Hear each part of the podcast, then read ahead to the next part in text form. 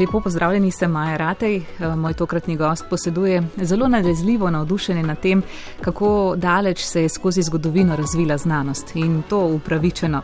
Je teoretski fizik, profesionalno kot akademik, zapisan v gankam kvantne mehanike in po drugi strani natančen raziskovalec zgodovine znanosti, ki je med drugim skušal ponoviti slavni arabski dokaz o obsegu Zemlje. Britanski fizik iraških korenin Jim Al-Khalili se podpisuje pod serijo poljudno znanstvenih knjig in dokumentarcev, kot komunikator znanosti pa je prejel vrsto nagrad. Znanost za ni le zbir modrosti, ampak kraljevska pot do nje. Od znanosti se lahko med drugim učimo tudi to, da ni nič narobe, če spremenimo stališče in priznamo, da smo se motili. Mož drznih tez in širokega nasmeha sledi v nadaljevanju.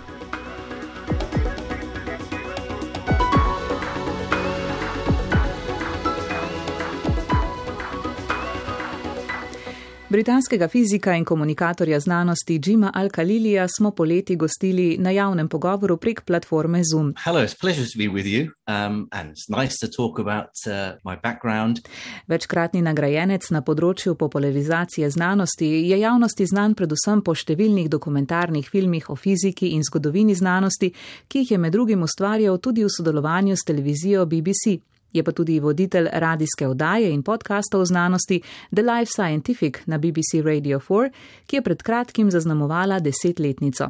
Zato pogovor z njim začenjamo prav pri tej.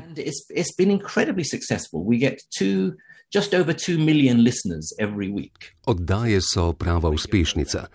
Vsak teden nas posluša čez 2 milijona ljudi, podcast pa ima več 100 tisoč naročnikov in pokrivamo zares široka področja znanosti. Z nekaterimi sogovorniki se dobro poznam, za nekatera področja slišim prvič.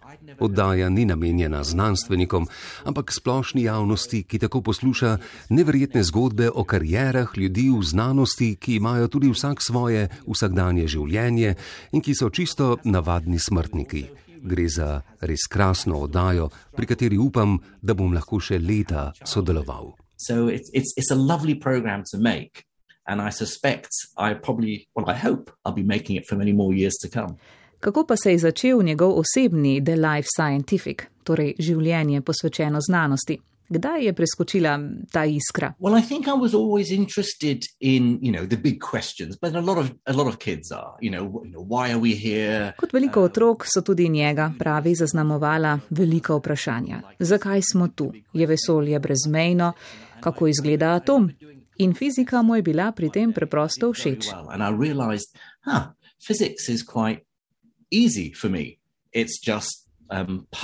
ja, zato ker fizika spodbuja k uporabi zdravega razuma, polna je ugank in povsem drugačna od denimo kemije ali biologije, kjer si je treba zapomniti veliko podatkov. To pa mi nikoli ni dišalo.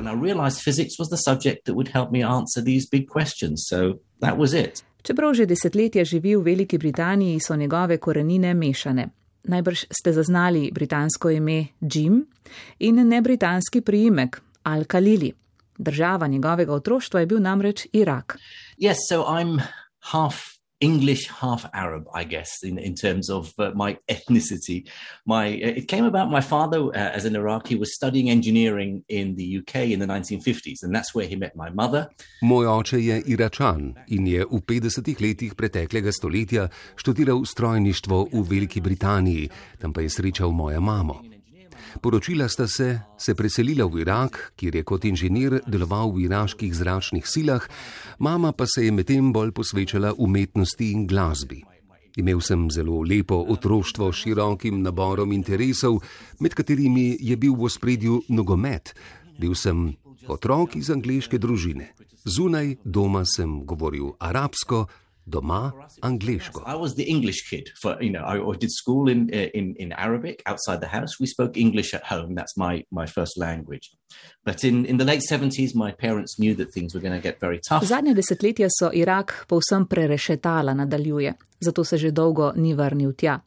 A obdobje, preden so prišle velike politične spremembe, je bilo na vkljub vsemu naklonjeno dobri izobrazbi mladine. Irak, ki je imel do začetka 80-ih let prejšnjega stoletja enega od najboljših izobraževalnih sistemov na Srednjem vzhodu in v Zahodnji Aziji, je pravzaprav kriv, da ga je znanost sploh začela zanimati. Um, it was a very nice childhood, actually. Growing up in Iraq in the 60s and 70s, yes, it was a dictatorship. Čeprav je bil Irak v 60. in 70. letih diktatura, je bilo tam relativno dobro odraščati. V poznih 70. letih pa so se začele stvari zaostrovati in odločili smo se, da se zavedno preselimo v Veliko Britanijo, kjer sem nadaljeval svoje izobraževanje. Res pa je, da sem se z veseljem do znanosti, zlasti do fizike, okužil že v Iraku. I already had already fallen in love with science, so I already knew when I came to the UK I wanted to study physics.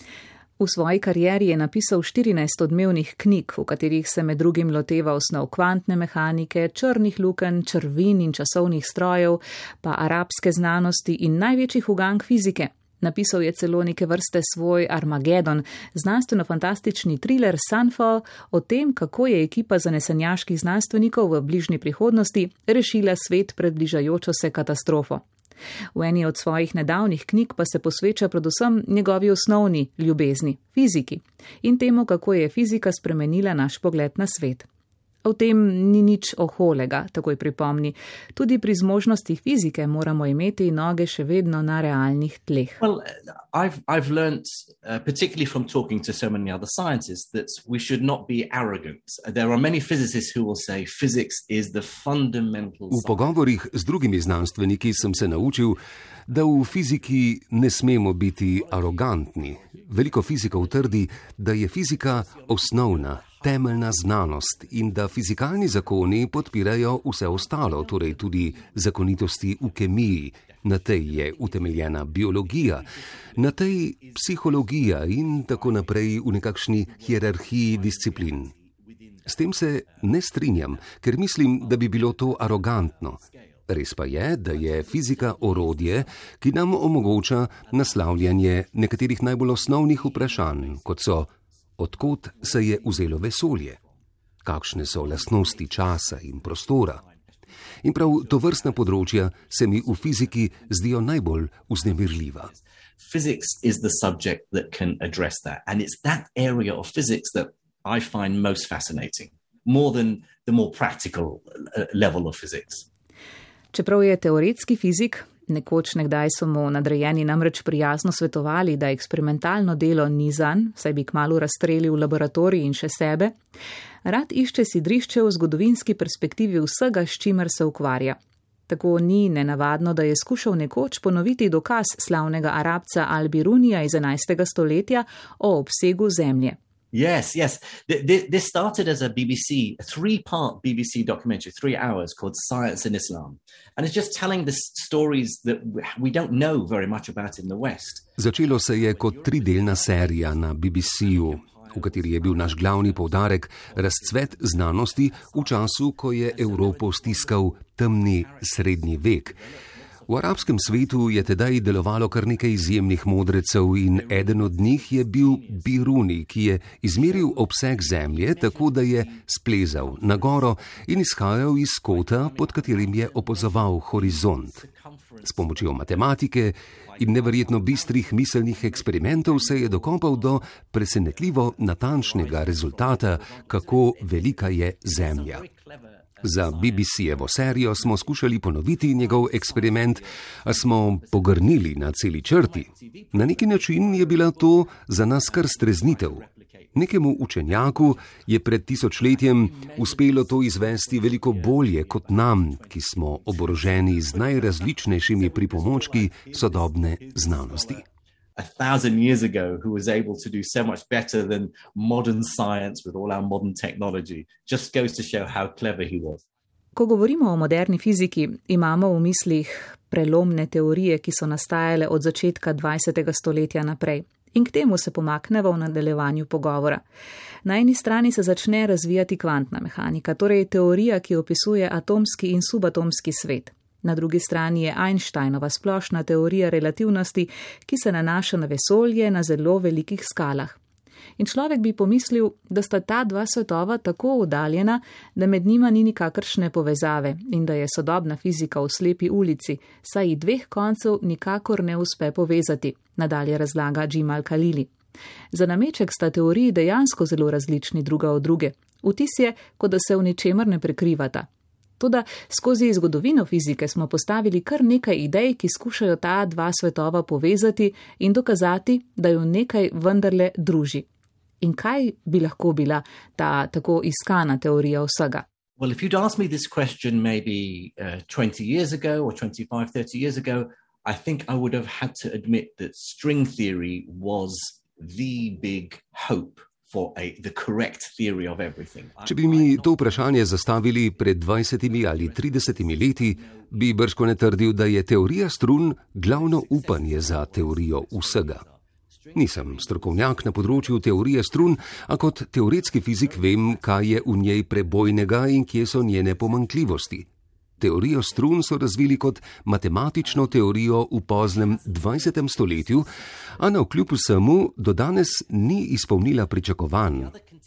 Druga kandidatka je zankovna kvantna gravitacija, ki se prav tako kaže kot zelo uporabna, elegantna teorija, a še vedno ne vemo, ali bo lahko dobro premustila prepad med kvantno mehaniko in teorijo relativnosti. Morda nobena od njiju ni pravilna, morda iščemo na napačnem mestu, morda gre za tako zahtevno tematiko, da bomo potrebovali še leta in leta, da jih bomo kos. Stovalci vsake od teorij vam bodo seveda zatrjevali, da je njihova pot prava, a to ni znanost, tu gre za moč verjetja. Da postane znanstveno podkrepljena, potrebuje dokaz.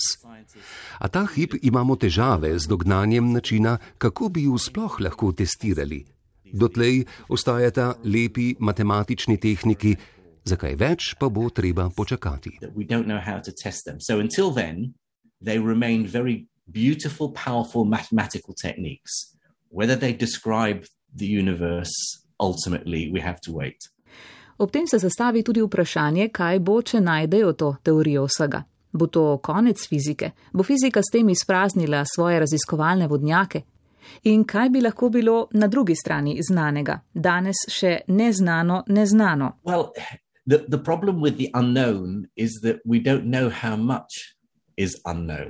Težava z neznanim je, da ne vemo, koliko je tega neznanega. Ameriški politik Donald Rumsfeld je znam po trditvi, da vemo, da obstajajo znane stvari, da so torej stvari, za katere vemo, da jih vemo. Vemo tudi, da obstajajo znane neznanke, da so torej stvari, ki jih ne vemo. So pa tudi neznane neznanke, tiste, za katere ne vemo, da jih ne vemo. In v fiziki je podobno. Vemo, da obstajajo neznanke, kot sta temna snov ali temna energija ne razumemo jih, a iščemo razlago za nje. A obstajajo stvari, za katere niti ne vemo, da jih ne vemo. Ne vemo, kako daleč se razteza neznano. Mislim pa, da bi morali biti bolj navdušeni nad tem, kako daleč nam je že uspelo priti. In dobro bi bilo, da bi znali praznovati to, kaj vse smo že dognali. We simply don't know how much more there is to discover. So let's be, let's celebrate what we do know. Sounds funny, but I just can't stand the pain. Girl, I'm leaving you tomorrow. Nedeljski gost na valu 202 je fizik in komunikator znanosti Jim Alkalili. Kot študent se je posvečal področju fizike podatomskih delcev, že leta pa raziskovalno najbolj sledi kvantni mehaniki. Zanima ga zlasti relativno novo področje kvantne biologije, torej učinki, ki bi jih utegnila povzročati kvantna mehanika na živi svet. And quant- the, the, the quantum mechanics we're talking about here are very delicate effects that most people uh, would not believe Kvantna mehanika povzroča nekatere zelo drobne učinke, za katere se zdi neverjetno, da se lahko pojavijo znotraj živih celic. Obstajajo primeri, ki ponazarjajo, da se je življenje naučilo trikov kvantne mehanike, da spodbudi nekatere življenjske procese k večji učinkovitosti. Eden takih, ki se mu strokovno posvečam s svojo raziskovalno skupino na Univerzi Sari, je kvantno tuneliranje oziroma tunelski pojav, pri katerem gre lahko delec skozi potencialno energijsko prepreko, česar v klasičnem opisu ne bi mogel, saj je njegova kinetična energija manjša od potencialne energije prepreke. That ball, electron, jump, disappear from one side of the hill, and reappear on the other, as though it had gone over the top, even though it had To lahko razložim na primer z žogo, ki bi jo v kvantnem svetu brcnili proti hribu in bi izginila, ter se na to pojavila na drugi strani tega hriba, čeprav ne bi imela toliko energije, da bi ga lahko prečkala. Vemo, da je tunelski pojav, kljub njegovi čudnosti, resničen in da je v fiziki in kemiji že dobro razumljen. Ponovem pa tudi vemo, da igra vlogo znotraj našega DNK. Protoni in vodikovi atomi, ki držijo skupaj oba dela vijačnice, so sposobni tunelskega pojava, preskočijo lahko z ene verige DNK na drugo. In če se to zgodi, lahko nastane mutacija. Vse bolj torej se zavedamo, da bi lahko kvantna mehanika igrala pomembno vlogo pri nastanku mutacij DNK that can lead to a mutation. So we know about mutations, but we now think quantum mechanics is an important part of that process. Saj vem, kaj si ravno kar mislite. Nedelja do povdan na valu 202 pa govorijo o kvantni mehaniki. A kaj, ko postajajo učinki te na naše življenje vse bolj zaznavni? Znanost ima vse boljša orodja in kot pravi Al-Khalili, začenjamo ugotavljati, da bi lahko bila kvantna mehanika morda odgovorna tudi za nastanek mutacij v naših celicah. At the moment, we're not sure. It certainly happens much, much more, is much more common than we'd have thought. Ta trenutek še nismo prepričani. Vemo, da je veliko bolj pogosto, kot smo mislili, dogaja se lahko že z verjetnostjo naprimer 1 proti 10 tisoč. To je še vedno redko, a vendarle veliko pogostejše, kot smo menili doslej. Seveda se mutacije v živih organizmih dogajajo neprestano, na tak način deluje tudi evolucija. Vemo, da jih lahko spodbode ionizirajoče sevanje, kopiranje napak. Um, we're starting to understand that quantum tunneling plays a role, but our models need to be even more sophisticated. Morda bomo lahko, ko bomo še bolj izpopolnili modele, k tem dejavnikom kmalo dodali tudi tunelski pojav. Teoretska fizika se tako zdaj povezuje z računalniško kemijo in molekularno biologijo, kjer skušamo vsak z svojega strokovnega stališča prijeti izziv za roge. In to je zares vznemirljivo. This is not physicists trying to do biology or biologists trying to do quantum mechanics. We're working together, which is really exciting. In ko smo že pri vznemirljivih temah, morda bi imela kvantna mehanika nekaj opraviti tudi pri navigaciji ptic. That's lovely. I mean, uh, we, we've known since the 1970s that some animals, and in, in this case birds, the European robin is a good example. Nekatere ptice se vsako leto selijo, pri čemer uporabljajo različne načine, da pri selitvi ohranjajo pravo smer. Nekatere, naprimer taščica, se selijo tako, da se ravnajo po zemeljskem magnetnem polju. Nekje v njih je torej skrit nekakšen kemijski kompas. Vse doslej je bila lokacija tega kompasa in način njegovega delovanja skrivnost.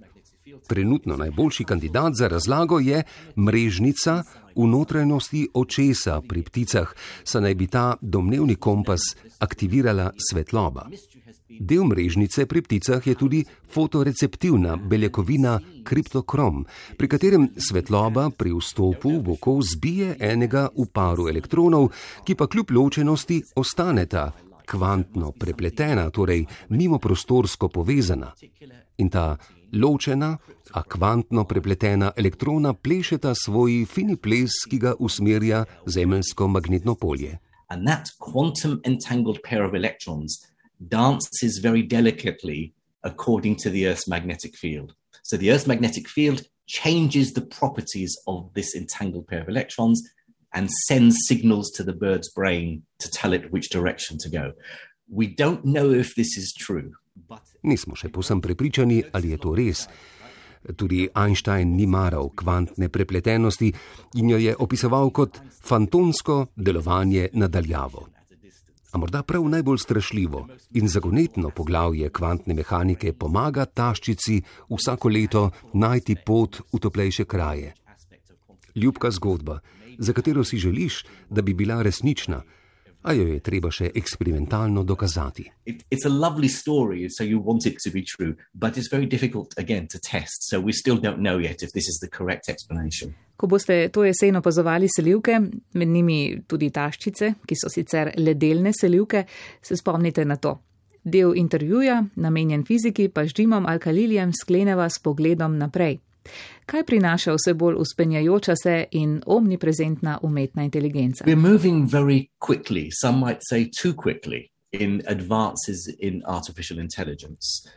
Na področju umetne inteligence se premikamo zelo hitro. Nekateri bi rekli, da celo prehitro. Umetna inteligenca nas tudi zato navdaja z nelagodnostjo, saj je v ozadju vedno strah, da se utegne njen razvoj prevesiti v svoj strašljivi scenarij, ko nas bo začela ta ista inteligenca nadzirati in nadvladovati. O tem se moramo pogovarjati. A po drugi strani robotika, avtonomne naprave in podobne novotarije že prihajajo z veliko hitrostjo. V zelo bližnji prihodnosti bomo priča avtonomnim vozilom, operacijam, ki jih izvajajo izključno roboti, zdravstveni diagnostiki s pomočjo umetne inteligence. Umetna inteligenca bo prevzela številna človeška upravila. Developments in artificial intelligence which show that AI is starting to really do clever things that humans Vse bolj se tudi kaže, da je umetna inteligenca sposobna iskanja rešitev na način, ki ga ljudje več ne zmoremo. Še vedno je brez zavedanja samega sebe, nima zavesti, ne misli kot mi. A tudi to bo prišlo. Ne vemo, kako hitro, najbrž ne v prihodnih desetih letih, morda pa v stoletju. Morda bodo naprave umetne inteligence sposobne naslavljanja in zaznavanja izzivov in problemov, ki so nad človeškimi sposobnostmi. Morda nam bo prav umetna inteligenca pomagala najti pravo, univerzalno teorijo vsega. Na tem področju nas vsekakor čaka zelo uznemirljiva prihodnost, a je na nas, da vzdržujemo težnjo po sledenju etičnim standardom. Potrebujemo širok družbeni konsens o usmerjanju razvoja umetne inteligence. But it's also one where we have to be a little bit concerned about the ethical implications. We need to have a, a general dialogue, not just we scientists, but with, with wider society as well, about the direction this technology is going. I can see you over there staring at your drink, watching that I sink all alone tonight. Poslušate oddajo Nedeljski gost na valu 202 z Jimom Alkalilijem, britanskim fizikom in komunikatorjem znanosti. Sva se v javnem intervjuju prek Zuma pogovarjala tudi o njegovi najnovejši knjigi The Joy of Science. Prevedli bi jo lahko kot veselje do znanosti ali pa naprimer praznovanje znanosti. Knjigo začne s provokativno tezo, Da znanost namreč ni zbir podatkov in ni to, kaj vse smo se naučili skozi zgodovino in kakšno bogato zakladnico podatkov in ugotovitev hranimo kot človeštvo. Ne, to je znanje, to je modrost. Znanost pa je predvsem kraljevska pot do vsega tega. Yes, it's really to start off because what I talk about in the book is not just a celebration of science and what we have learned through science, but it's a celebration of the way we do science, what we call the scientific method, a way of thinking. V knjigi ne govorim le o praznovanju znanosti in o tem, kaj smo se naučili ob njeni pomoči, ampak gre tudi za praznovanje tega, kako ustvarjamo znanost. Ljudje po večini poenostavljeno zmotno mislimo, da je znanost zbir podatkov. Ne. Podatki predstavljajo znanje in znanje lahko pridobivaš na zelo različne načine, od literature, umetnosti, kontemplacije, pogovora z ljudmi in tako naprej. Tudi znanost je elitna pot do spoznavanja tega, kako svet deluje. Mislim, da bi morali biti navdušeni nad tem, da smo znanost z leti izpopolnili do te mere. And, and we should celebrate how that process works and why it's such a reliable tool to help us gain knowledge. Na naslovnici njegove knjige se razpenja Maurica, ki krasno ponazarja idejo in čar znanosti. It's it's a it's a lovely metaphor, but it's very powerful because going back centuries, the, the, the poet Keats uh, criticized Isaac Newton. Pred stoletji je pesnik John Keats okrcal Isaaca Newtona, čež da je razblinil romantično predstavo o tem, kaj je Maurica in jo nadomestil s suhoparno razlago, da je Maurica le rezultat različnih valovnih dolžin sončne svetlobe, ki jih naše oko lahko zazna.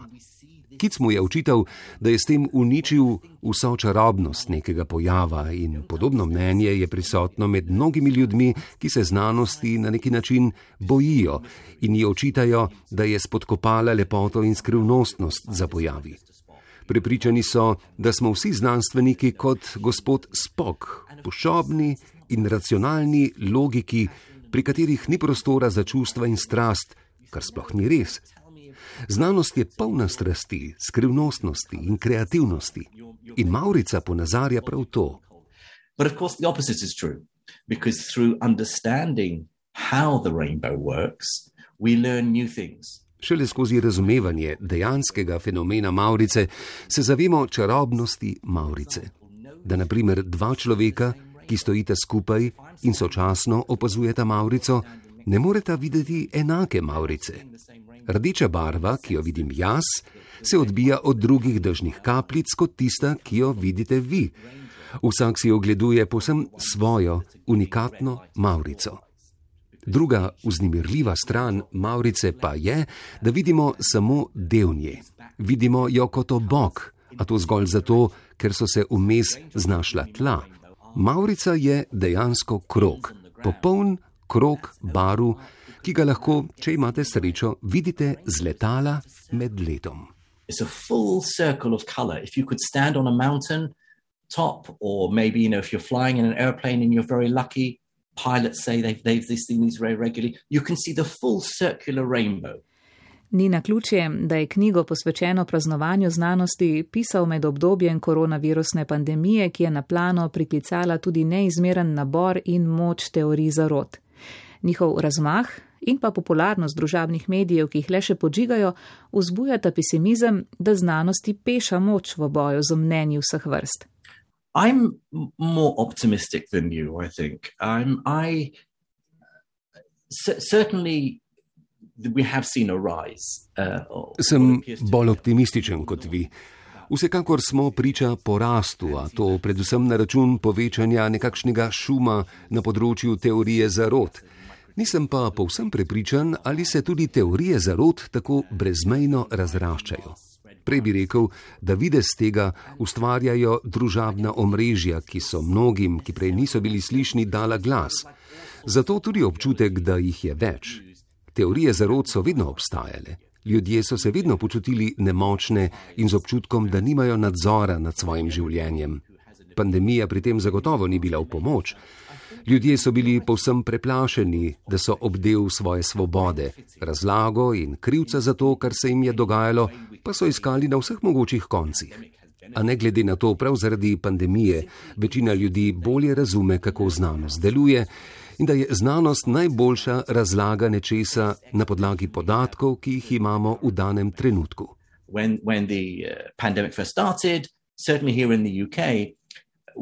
advice, the, the health advice was wash your hands all the time, wash your hands, and that will stop you from catching COVID. Ko se je začela epidemija, so nas zlasti v Veliki Britaniji neprenehoma opozarjali, naj si umivamo roke, da bo to zajezilo prenos okužb.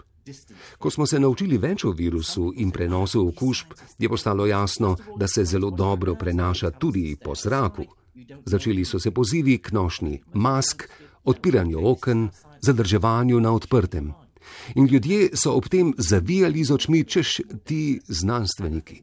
Najprej trdijo eno, na to nekaj drugega, saj nič ne vedo. A vendarle menim, da je večina dognala, da je to osnovni princip delovanja znanosti. Pogled lahko spremeniš, ko pridobiš nove podatke in dokaze. Mislim, da je to lahko zelo uporabna lekcija, ki bi jo lahko poosebili tudi politiki.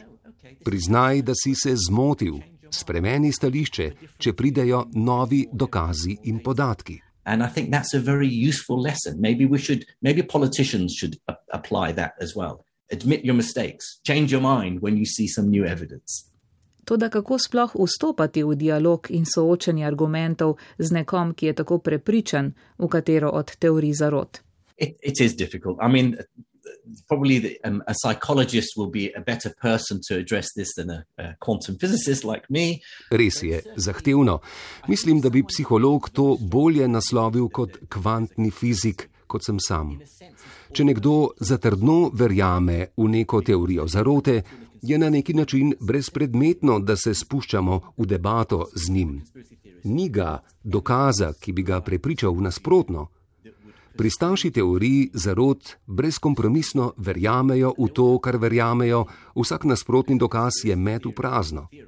Kvečemu vsak nov podatek ali nezanesljivo informacijo uporabijo v podkrepitev svojega prepričanja.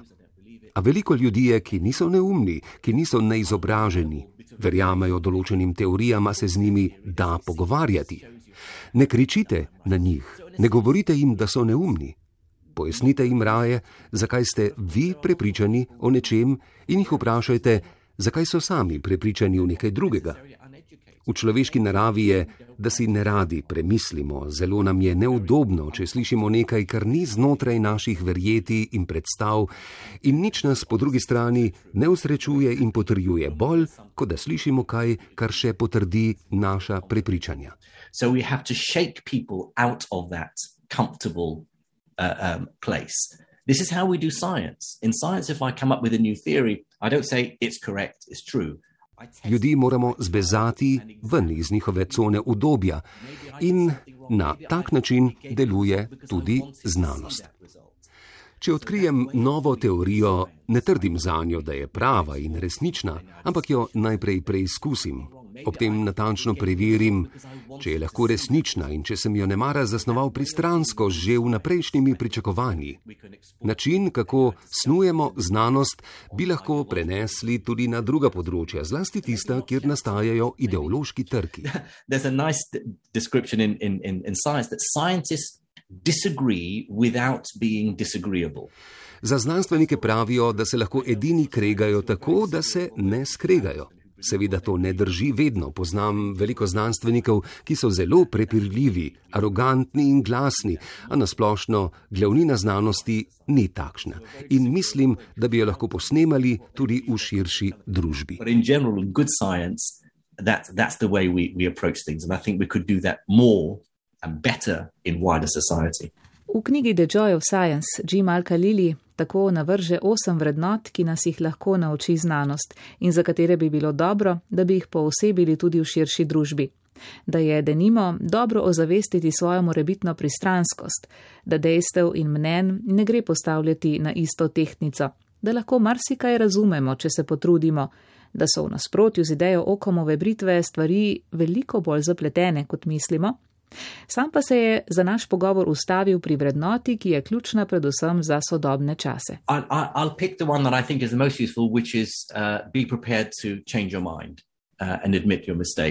Izbral bom tisto, za katero mislim, da je najbolj uporabna.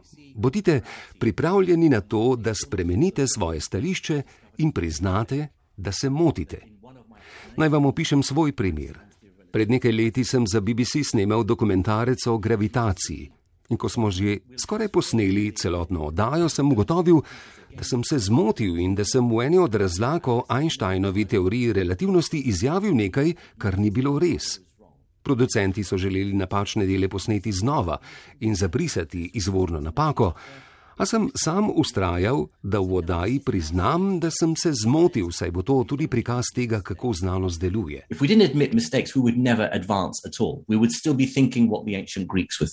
Če ne bi priznavali svojih napak, ne bi nikoli napredovali, še vedno bi bili na ravni znanja in prepričanja starih Grkov. Če te priznanje napak v znanosti lahko opolnomoči, pa je v politiki seveda res nasprotno, da je priznanje napak izraz šibkosti. Si predstavljate, da bi na neki debati na Twitterju osebi, s katero se načelno ne strinjate, nenadoma pritrdili, da novi dokazi potrjujejo to, kar trdi in da ste se vi zmotili. Le na tak način lahko napredujemo. Debate, v katerih zgolj zasledujemo to, da moramo na vsak način zmagati, ne vodijo nikamor. Priznaj, če ugotoviš, da ima nasprotnik prav in da si bil sam v zmoti. Priznaj, lahko je zelo osvežujoče. Admit, when someone says something that you didn't think was right, but you now realize you've made a mistake, admit it. It's very refreshing. Actually, it's not, it's not a problem at all. V zvezi s tem se je med poslušalci pogovora oglasil jedrski fizik Lukas Noj iz inštituta Jožef Štefan. Hello, hello. I'm Lukas Noj from JSI, researcher in uh, ki je med drugim spomnil na esej o znanosti in vrednotah avtorja Jakoba Brunovskega.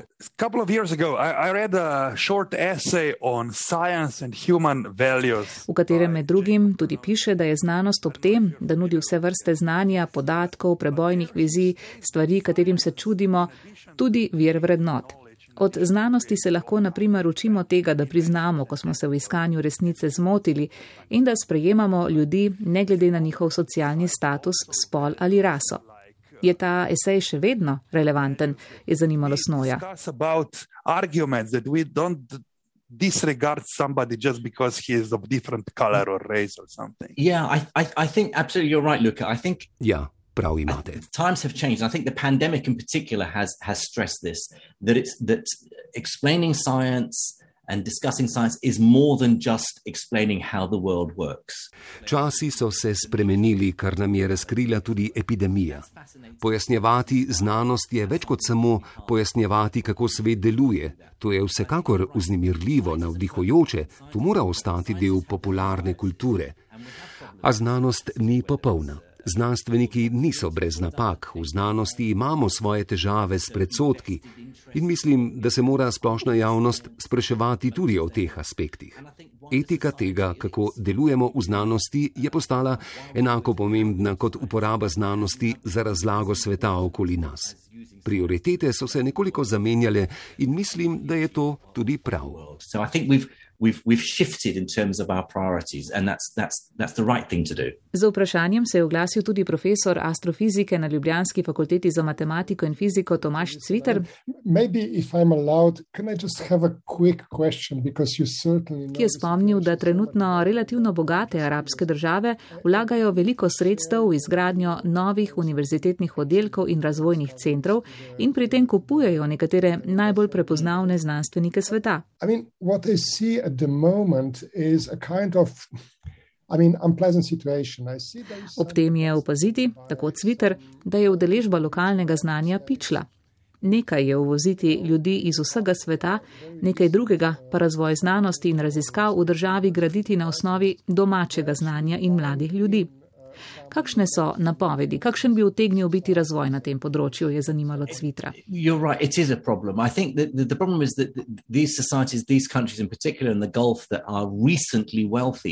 Ja, bogate zalivske države gredo v pravo smer s tem, ko gradijo bleščeče nove raziskovalne centre in laboratorije in zaradi pomankanja domačih uvažajo strokovnjake od zunaj.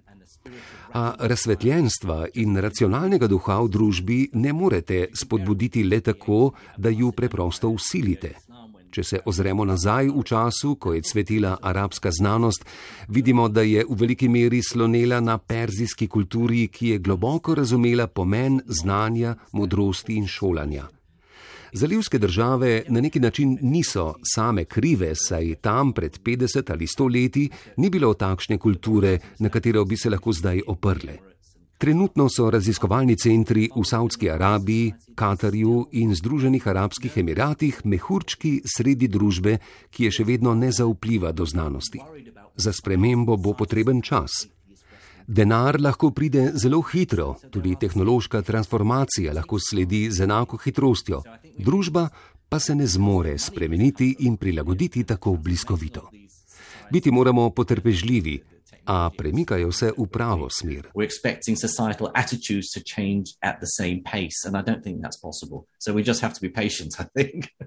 Okay. Vodaj nedeljski gost na valu 202 smo danes poslušali glasbo po izboru fizika in komunikatorja znanosti Džima Alkalilija, Commodores, Easy, Keith Urban, Blue Ain't Your Color. No, zdaj le pa sledi še She's Not There v verziji, ki jo je leta 1977 izdal Santana.